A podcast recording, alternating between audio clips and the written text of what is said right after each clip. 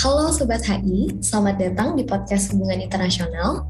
Uh, podcast ini dikelola oleh Departemen Ilmu Hubungan Internasional, Fakultas Ilmu Sosial dan Ilmu Politik Universitas Gajah Mada. Perkenalkan, saya Fania Tarisa sebagai staf magang publikasi di Institute of International Studies atau IUCDM. Sobat HI semua, pada episode ke-37 kali ini, uh, saya akan mendiskusikan sebuah buku berjudul Indonesian Civil Society and Human Rights Advocacy in ASEAN Power and Normative Struggles. Uh, nah, buku ini baru saja diterbitkan pada tahun 2021 oleh Palgrave Macmillan dan uh, buku ini ditulis oleh uh, Mas Randi Wirasana Nandiatama yang telah hadir bersama saya hari ini.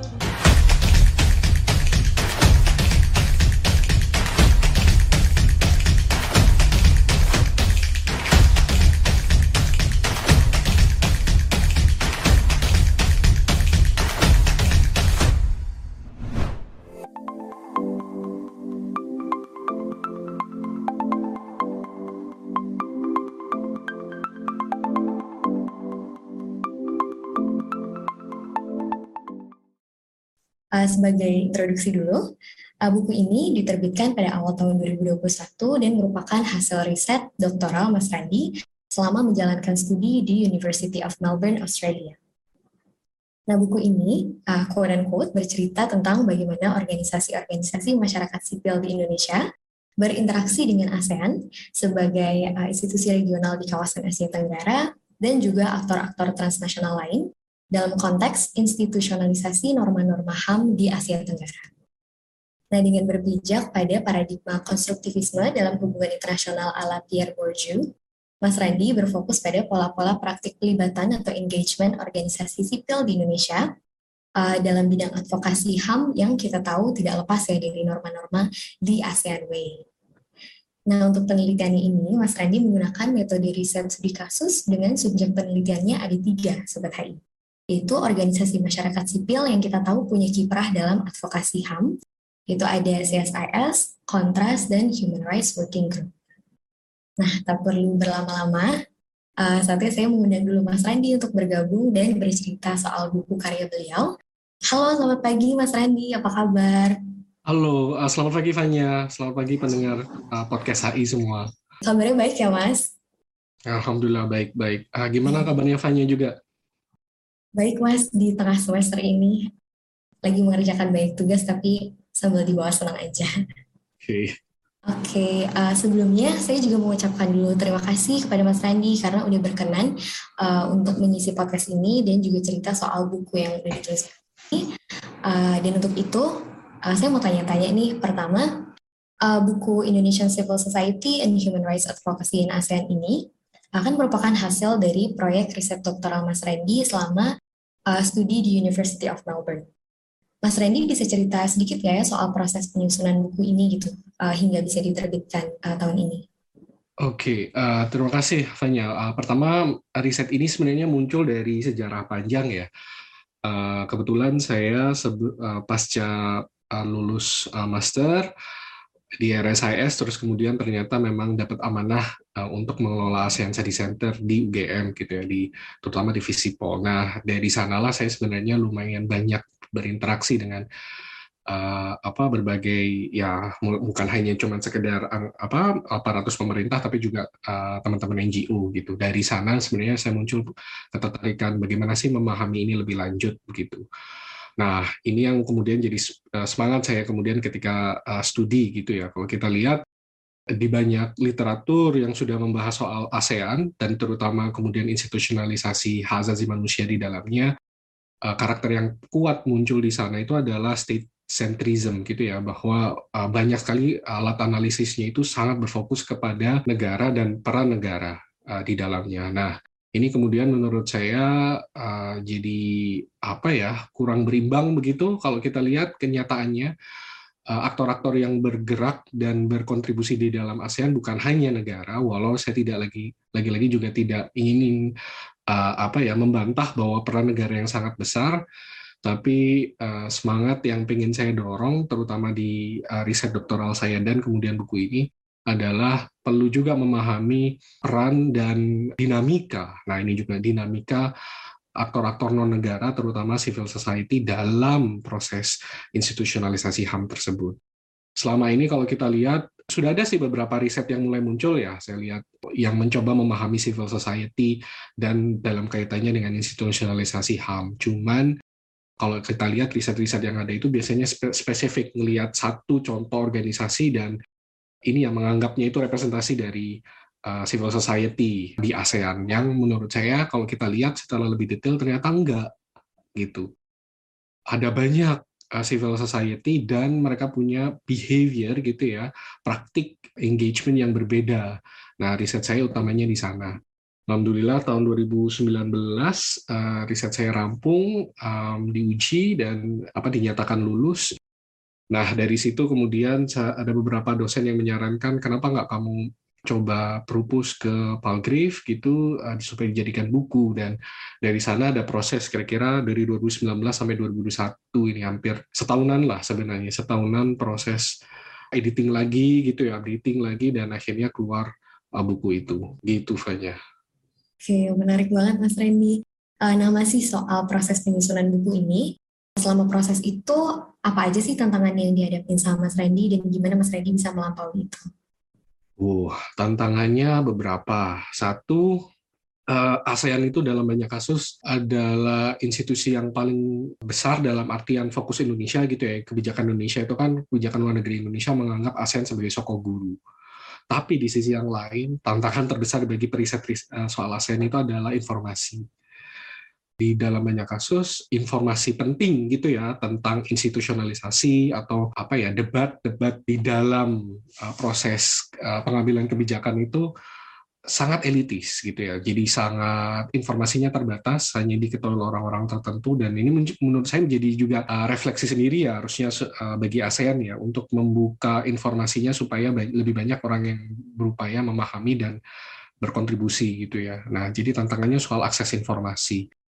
Tapi di sisi yang saya, uh, alhamdulillah karena tadi ya agak cukup lama beberapa tahun uh, terakhir saya lumayan um, berinteraksi dengan teman-teman NGO dan juga scholar dan uh, birokrat ASEAN gitu. Jadi alhamdulillah masih punya akses gitu. Saya kalau nggak salah keinget, saya wawancara 52 orang lebih dari 10 ya berapa belasan belasan lah belasan itu dari uh, government officials jadi alhamdulillah tapi itu jadi tantangan tersendiri karena lagi-lagi tadi proses yang selama ini biasanya dinamika-dinamika diskusi ASEAN itu biasanya dianggap sebagai suatu hal yang private gitu. Uh, itu satu gitu ya tantangan akses informasi. Tantangan yang kedua adalah sebenarnya dinamika yang terjadi ya. Ini ujungnya kalau kita lihat yang namanya dinamika civil society dan ASEAN itu sebenarnya bergerak terus gitu dan saya pernah sampai ada di titik di bagaimana nih gitu ya karena uh, tiga civil society yang kita teliti, yang saya teliti itu, misalkan pastinya juga akan terus berubah gitu, sesuai dengan tadi ya kondisi dan uh, apa dinamika engagement ASEAN itu sendiri ke mereka dan bagaimana mereka merespon. Nah, saya pernah uh, ke, kepikiran tadi uh, sampai kapan nih saya harus stop gitu ya, dan akhirnya saya berkeputusan memang uh, utamanya sampai tahun kira-kira tahun 2016 17 gitu ya potretnya gitu. Sehingga misalkan uh, saya yakin betul sebenarnya progres uh, civil society ini pasti akan terus berkembang gitu. Jadi tantangan utamanya tadi dua gitu ya. Tadi akses informasi kedua uh, akhirnya memutuskan time frame. Uh, tapi alhamdulillah tadi lewat diskusi dengan beberapa teman dan supervisor ya akhirnya clear gitu Selain itu apa ya? Mungkin tantangan personal kali ya. Kalau itu dua itu tantangan menurut saya agak kaitannya substantif, tapi kalau personal uh, studi S3 itu studi yang cukup lama dan harus sabar. Empat tahun menstudi tentang satu topik itu uh, tantangan tersendiri. Uh, walau akhirnya saya bisa alhamdulillah menyelesaikannya dalam tiga tahun sembilan bulan, tapi itu menurut saya masa yang cukup lama. Tapi alhamdulillah gitu bisa rampung yes gitu Terima kasih Mas Randy untuk ceritanya. Tadi uh, kita dengar tantangannya ada uh, tantangan yang teknis uh, soal gimana cara untuk mendapatkan akses terhadap informasi mengenai ASEAN tadi. I believe Mas Randy juga menyebutkan itu di dalam uh, Mas Randy. Uh, juga gimana soal ada this impression of ASEAN uh, elitis dalam prosesnya sehingga uh, preset-preset Mas Randy ada tantangan sendiri gitu ketika uh, melakukan penelitian tentang ASEAN. Terus saya mau lanjut lagi nih, kalau terkait institusionalisasi mekanisme hak asasi manusia di ASEAN, kita tahu ya bahwa ASEAN adalah organisasi yang tadi Mas Randy bilang beranggotakan aktor negara dan mungkin lebih state-centris selama ini. Tapi kenapa Mas Randy menganggap ini penting ya untuk menggarisbawahi peran masyarakat sipil dalam konteks uh, institusionalisasi HAM tadi? Oke, okay. uh, ada dua poin penting menurut saya. Satu, tadi utamanya kalau kita lihat gitu ya secara praktikal memang uh, dalam konteks uh, kebijakan pengambilan kebijakan gitu ya decision making proses uh, dalam proses institusionalisasi itu peran negara sangat besar gitu. Saya tidak ingin memungkiri itu gitu. Cuman ternyata kalau kita lihat secara detail negara tidak pernah sendiri gitu. Negara tidak pernah sendiri. Ini terkait dengan input gitu ya. Negara dengan semua birokratnya itu dalam banyak kasus dalam sejarah perkembangan ASEAN itu selalu membutuhkan input dalam dua aspek. Uh, satu uh, aspek ide gitu ya aspek ide uh, fresh ideas gitu ya. Uh, kalau kita lihat ASEAN itu kan agak mekanisme yang agak unik ya. Dan ini nyambung dengan uh, salah satu temuan saya yang penting uh, di buku itu terutama dalam konteks cara pandang kita menurut saya penting untuk melihat ASEAN sebagai sebuah praktik spesifik gitu ya. Dalam istilah uh, tradisi Bourdieu gitu ini seperti sebuah field gitu sebuah lapangan gitu ya kak. Mungkin terjemahannya mungkin uh, agak kurang pas tapi uh, kalau kita lihat kayak lapangan bola itu kan punya aturan spesifik ya kayak bola nggak boleh dipegang gitu ya. Uh, kalau main bola uh, sepak bola tentu saja. Ah, nah, ASEAN, ASEAN juga begitu. ASEAN itu punya praktik yang sangat spesifik gitu, yang mana uh, kalau kita lihat uh, salah satu yang menjadi elemen penting di sana adalah kesepakatan-kesepakatan uh, yang diambil itu harus sifatnya membela beberapa elemen penting. Misalkan mengakui kedaulatan gitu ya, mengakui kedaulatan negara masing-masing. Terus kemudian ada juga penekanannya pada aspek perdamaian atau uh, mungkin ini nyambungnya dengan tidak menggunakan cara-cara kekerasan gitu. Terus yang ketiga konsensus elemen-elemen konsensus decision making process itu kemudian pasti harus diambil kesepakatan yang disukai semua orang. Jadi ujungnya adalah list common denominator yang diambil dan terakhir adalah incrementalisme. Jadi kebijakan harus diambil secara incremental. Empat prinsip ini gitu ya, empat uh, karakter ini akhirnya membuat ide yang bisa disepakati di ASEAN sering kali adalah ide yang uh, harus bisa disukai oleh semua orang dan agak susah ya mencari ide yang seperti ini. Nah, pemerintah uh, butuh du dua elemen dari civil society yaitu ide fresh ideas yang kalau kita lihat biasanya didorong oleh eh, organisasi-organisasi macam think tank gitu-gitu ya. Tapi di sisi yang lain kadang juga mereka itu butuh pressure. Ini dalam wawancara saya uh, ada tuh ada masa-masa penting di mana ternyata pemerintah butuh pressure butuh klaim untuk bernegosiasi dengan negara-negara lain bahwa ini kita harus sepakat soal hak asasi manusia di ASEAN ini. Misalkan ada salah satu statement yang menurut saya agak menarik, kita butuh sepakat ASEAN butuh harus mengadopsi nilai-nilai HAM karena kalau enggak aku bakal diplomat itu mengatakan tentu saja figuratively tidak literally aku bakal ditembak gitu. Aku pulang akan ditembak dalam artian akan dicerca gitu ya. Nah elemen ini gitu ya dicerca uh, tuntutan pressure ini menjadi elemen penting dalam negosiasi para diplomat. Uh, sehingga kemudian kalau kita bisa lihat ini menjadi input uh, penting. Itu satu menurut saya. Jadi kenapa kemudian civil society harus ada di dalam peta? Itu karena berperan banyak di sana. Kedua kalau kita lihat civil society juga tidak homogen gitu ya, tidak monolitik. Ini juga menurut saya agak penting untuk diangkat di uh, riset uh, di buku saya di riset saya dan di buku saya kemudian. Bahwa civil society tidak bersifat monolitik dan punya satu karakter yang sama. Dan kalau kita lihat itu menjadi sangat tergantung bagaimana civil society itu memandang identitas dirinya dan melihat tadi field gitu gamenya yang tadi di ASEAN. Udah tahu ASEAN punya game seperti itu dan mereka ternyata punya reaksi yang beragam. Nah menurut saya ini jadi temuan yang menarik civil society itu ternyata punya cara yang beragam dalam bereaksi sehingga mau tidak mau ujungnya gitu ya kalau kita lihat ujungnya juga uh, beragam juga gitu. Nah, civil society akhirnya punya reaksi yang beragam terhadap field itu. Sehingga kalau kita lihat ada um, momen di mana keberhasilan ASEAN itu ya uh, mau tidak mau muncul karena kolaborasi positif gitu Uh, tapi uh, hanya dengan beberapa civil society aja gitu.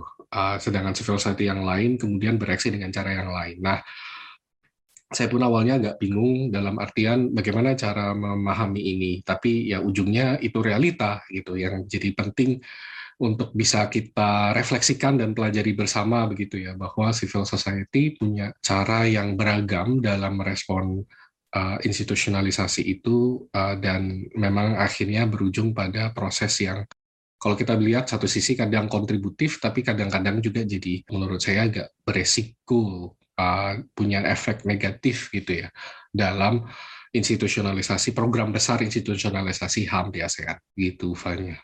Oke, terima kasih jawabannya Mas Randy. Mungkin untuk menggarisbawahi lagi, menarik karena ini jadi poin dari bukunya Mas Randy juga bahwa um, satu ASEAN sebagai institusi regional itu selalu butuh input dari aktor-aktor di sekitarnya ya. Nggak hanya negara yang memang jadi pilar utama ya di dalam ASEAN, tapi juga organisasi-organisasi sipil gitu, input dalam bentuk um, fresh ideas dan juga uh, pressure gitu. Dan yang kedua tentang bagaimana aktor-aktor ini, terutama organisasi masyarakat sipil yang jadi fokusnya Mas Randy, itu berinteraksi dan berdinamika dengan ASEAN uh, sebagai organisasi regional dan kemudian menghasilkan output-output yang berbeda dalam hal institusionalisasi HAM. Dan uh, polanya nanti akan coba saya bahas ya Mas. Kalau tadi udah dijelasin sedikit kenapa penting, uh, saya ingin tahu lebih kenapa Mas Randy Kan di dalam buku ini Mas Randy mengedepankan uh, tiga pola pelibatan uh, di antara organisasi masyarakat sipil ya. Itu ada pola suportif, kritikal, dan adaptif. Nah, um, Mas Randy bisa nggak sih elaborasiin sedikit gitu uh, tentang masing-masing pola ini dan uh, apa implikasinya terhadap pemahaman kita tentang peran masyarakat sipil dalam institusionalisasi HAM di Asia Tenggara? Oke, nah ini sebenarnya tadi ya temuan yang agak menarik kalau kita lihat ternyata civil society itu tidak tunggal dan reaksi mereka menjadi tiga karakter itu kalau saya lihat sangat tergantung pada bagaimana mereka membangun identitas diri tradisinya karena tradisi konstruktivis ya bagaimana cara mereka melihat identitas diri dan bagaimana mereka melihat posisi mereka di dalam field itu. Yang sudah jelas ada ada apa ya karakter ada ide identitas dan norma yang sudah dominan di sana. Nah kalau kita lihat memang ada uh, civil society yang dari awal memang menekankan identitas dan fungsi diri sebagai pemberi ide gitu ya. Jadi mereka membayangkan uh, salah satu pencapaian dari civil society itu adalah membangun masyarakat dengan yang lebih baik terutama uh, lewat memberikan ide uh, bagi pengampu kebijakan gitu. Sehingga memang uh, dalam hal ini mereka sangat berkomitmen pada hubungan yang baik gitu ya hubungan yang baik gitu. Karena mau nggak mau mereka sadar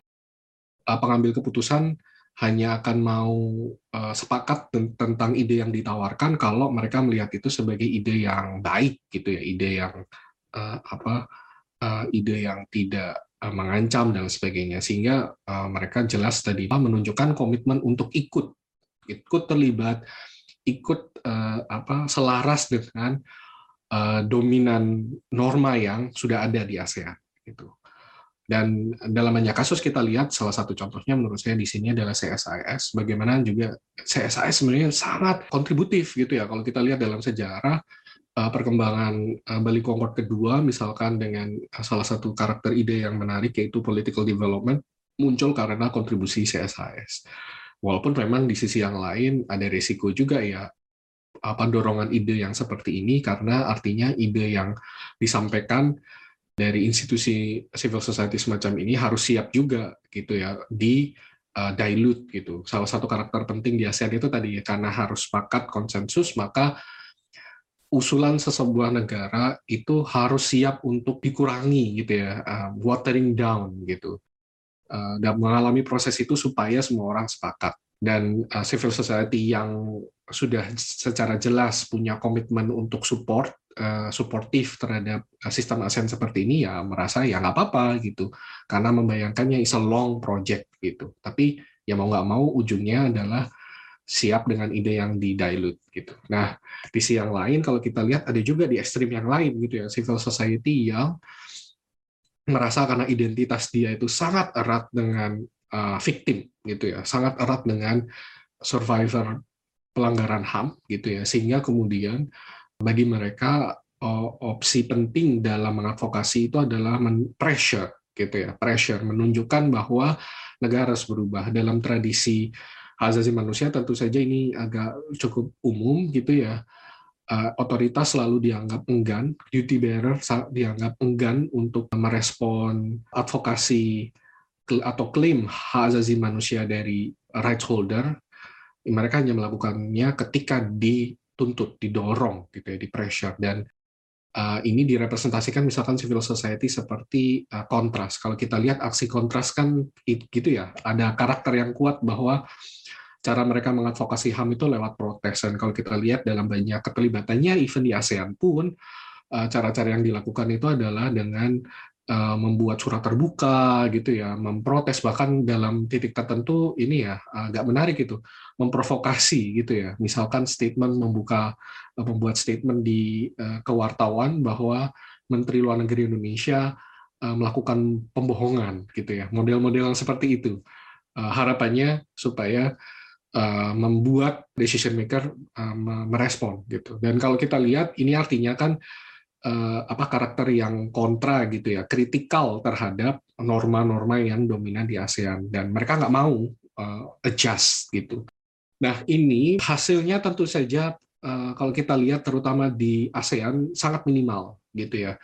Uh, tidak banyak ide yang mereka dorong kemudian bisa terserap di ASEAN lagi-lagi karena karakter ASEAN yang agak elitis. Uh, tapi di sisi yang lain, kalau kita lihat memang uh, karakter kritikal ini kadang uh, jadi apa ya modal taktikal buat diplomat, terutama dari diplomat Indonesia yang seperti saya katakan tadi gitu ya. Kadang-kadang ini jadi modal buat diplomat Indonesia untuk mempressure diplomat-diplomat yang lain supaya mau menerima apa dorongan untuk terus mengadopsi HAM. Tapi tuntutannya secara konsep sering kali nggak masuk gitu karena ASEAN dalam banyak kasus menjadi uh, masih punya dominasi norma yang sangat kuat uh, di sana. Dan yang terakhir, kalau kita lihat ada juga civil society yang awalnya sangat kritikal gitu ya, model uh, kayak uh, kontras gitu. Uh, mereka awalnya sangat kritikal terhadap praktik-praktik yang ada di ASEAN, tapi kemudian karena pengetahuan dan engagement yang lebih dalam terhadap ASEAN, mereka akhirnya jadi sadar bahwa ya ASEAN itu punya norma dominan yang sangat kuat gitu.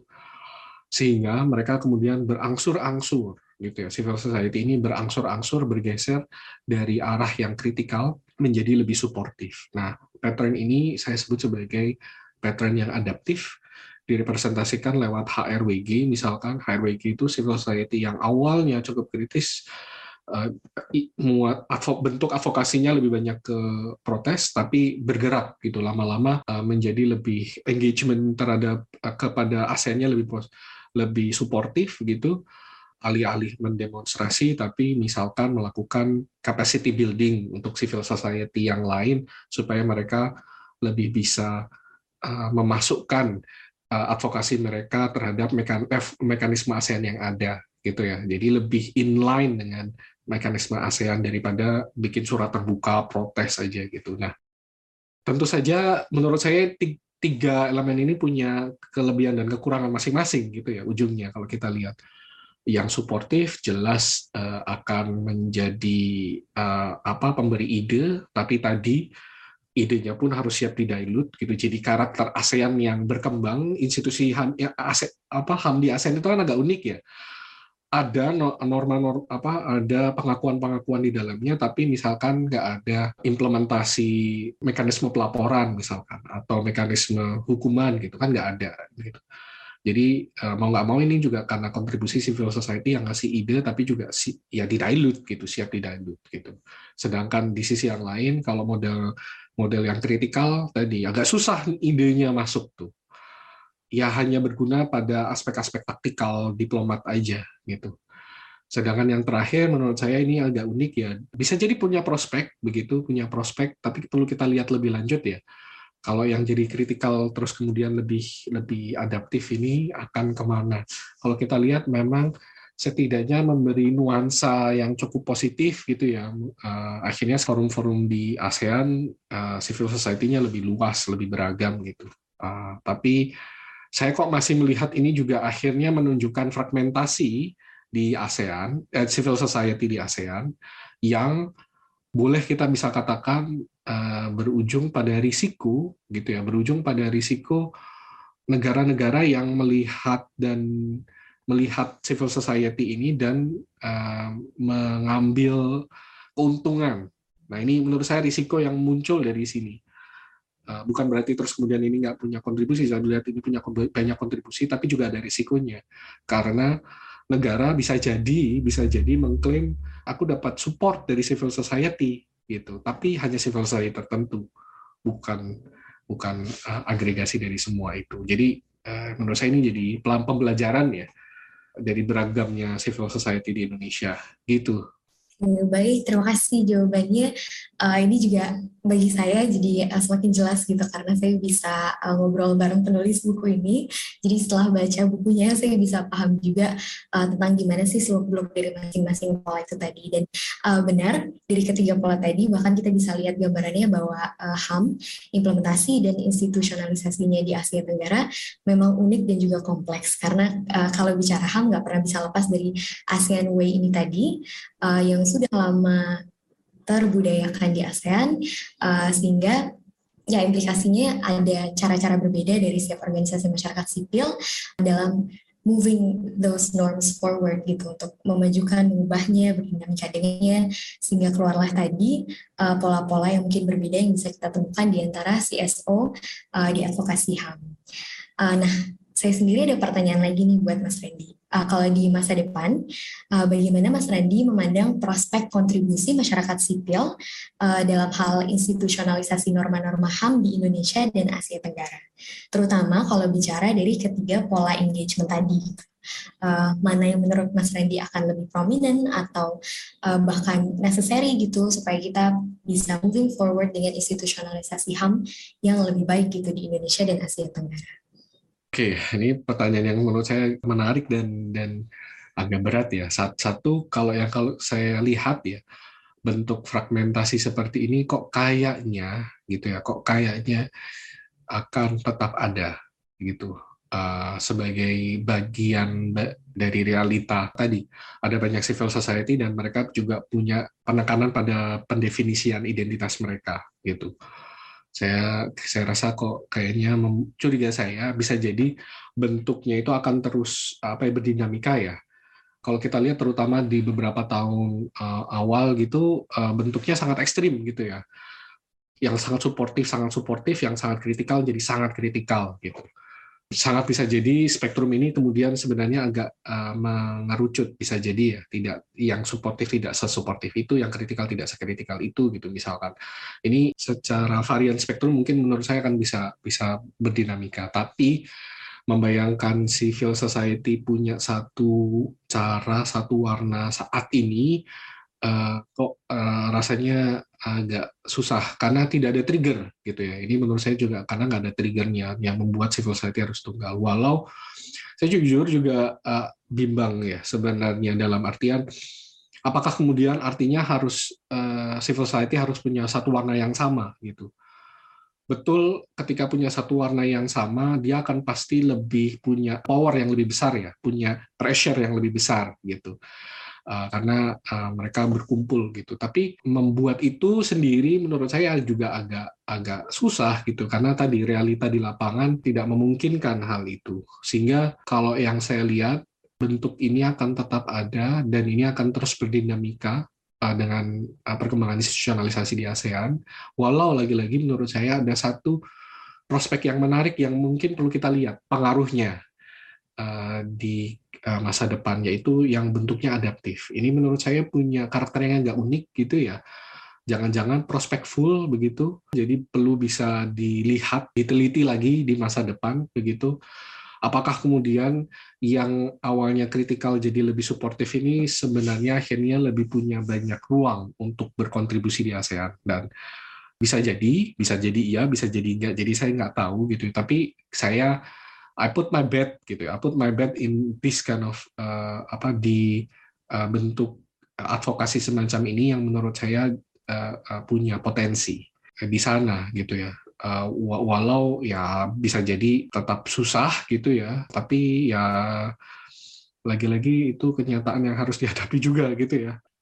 Karakter norma ASEAN masih sangat kuat gitu ya Walau lagi-lagi ini bukan final. Uh, kalau dari riset saya juga terlihat ya bahwa negara aktor negara dan non negara itu sebenarnya punya kontribusi besar untuk meredefinisi dan ada selalu upaya proses redefinisi itu.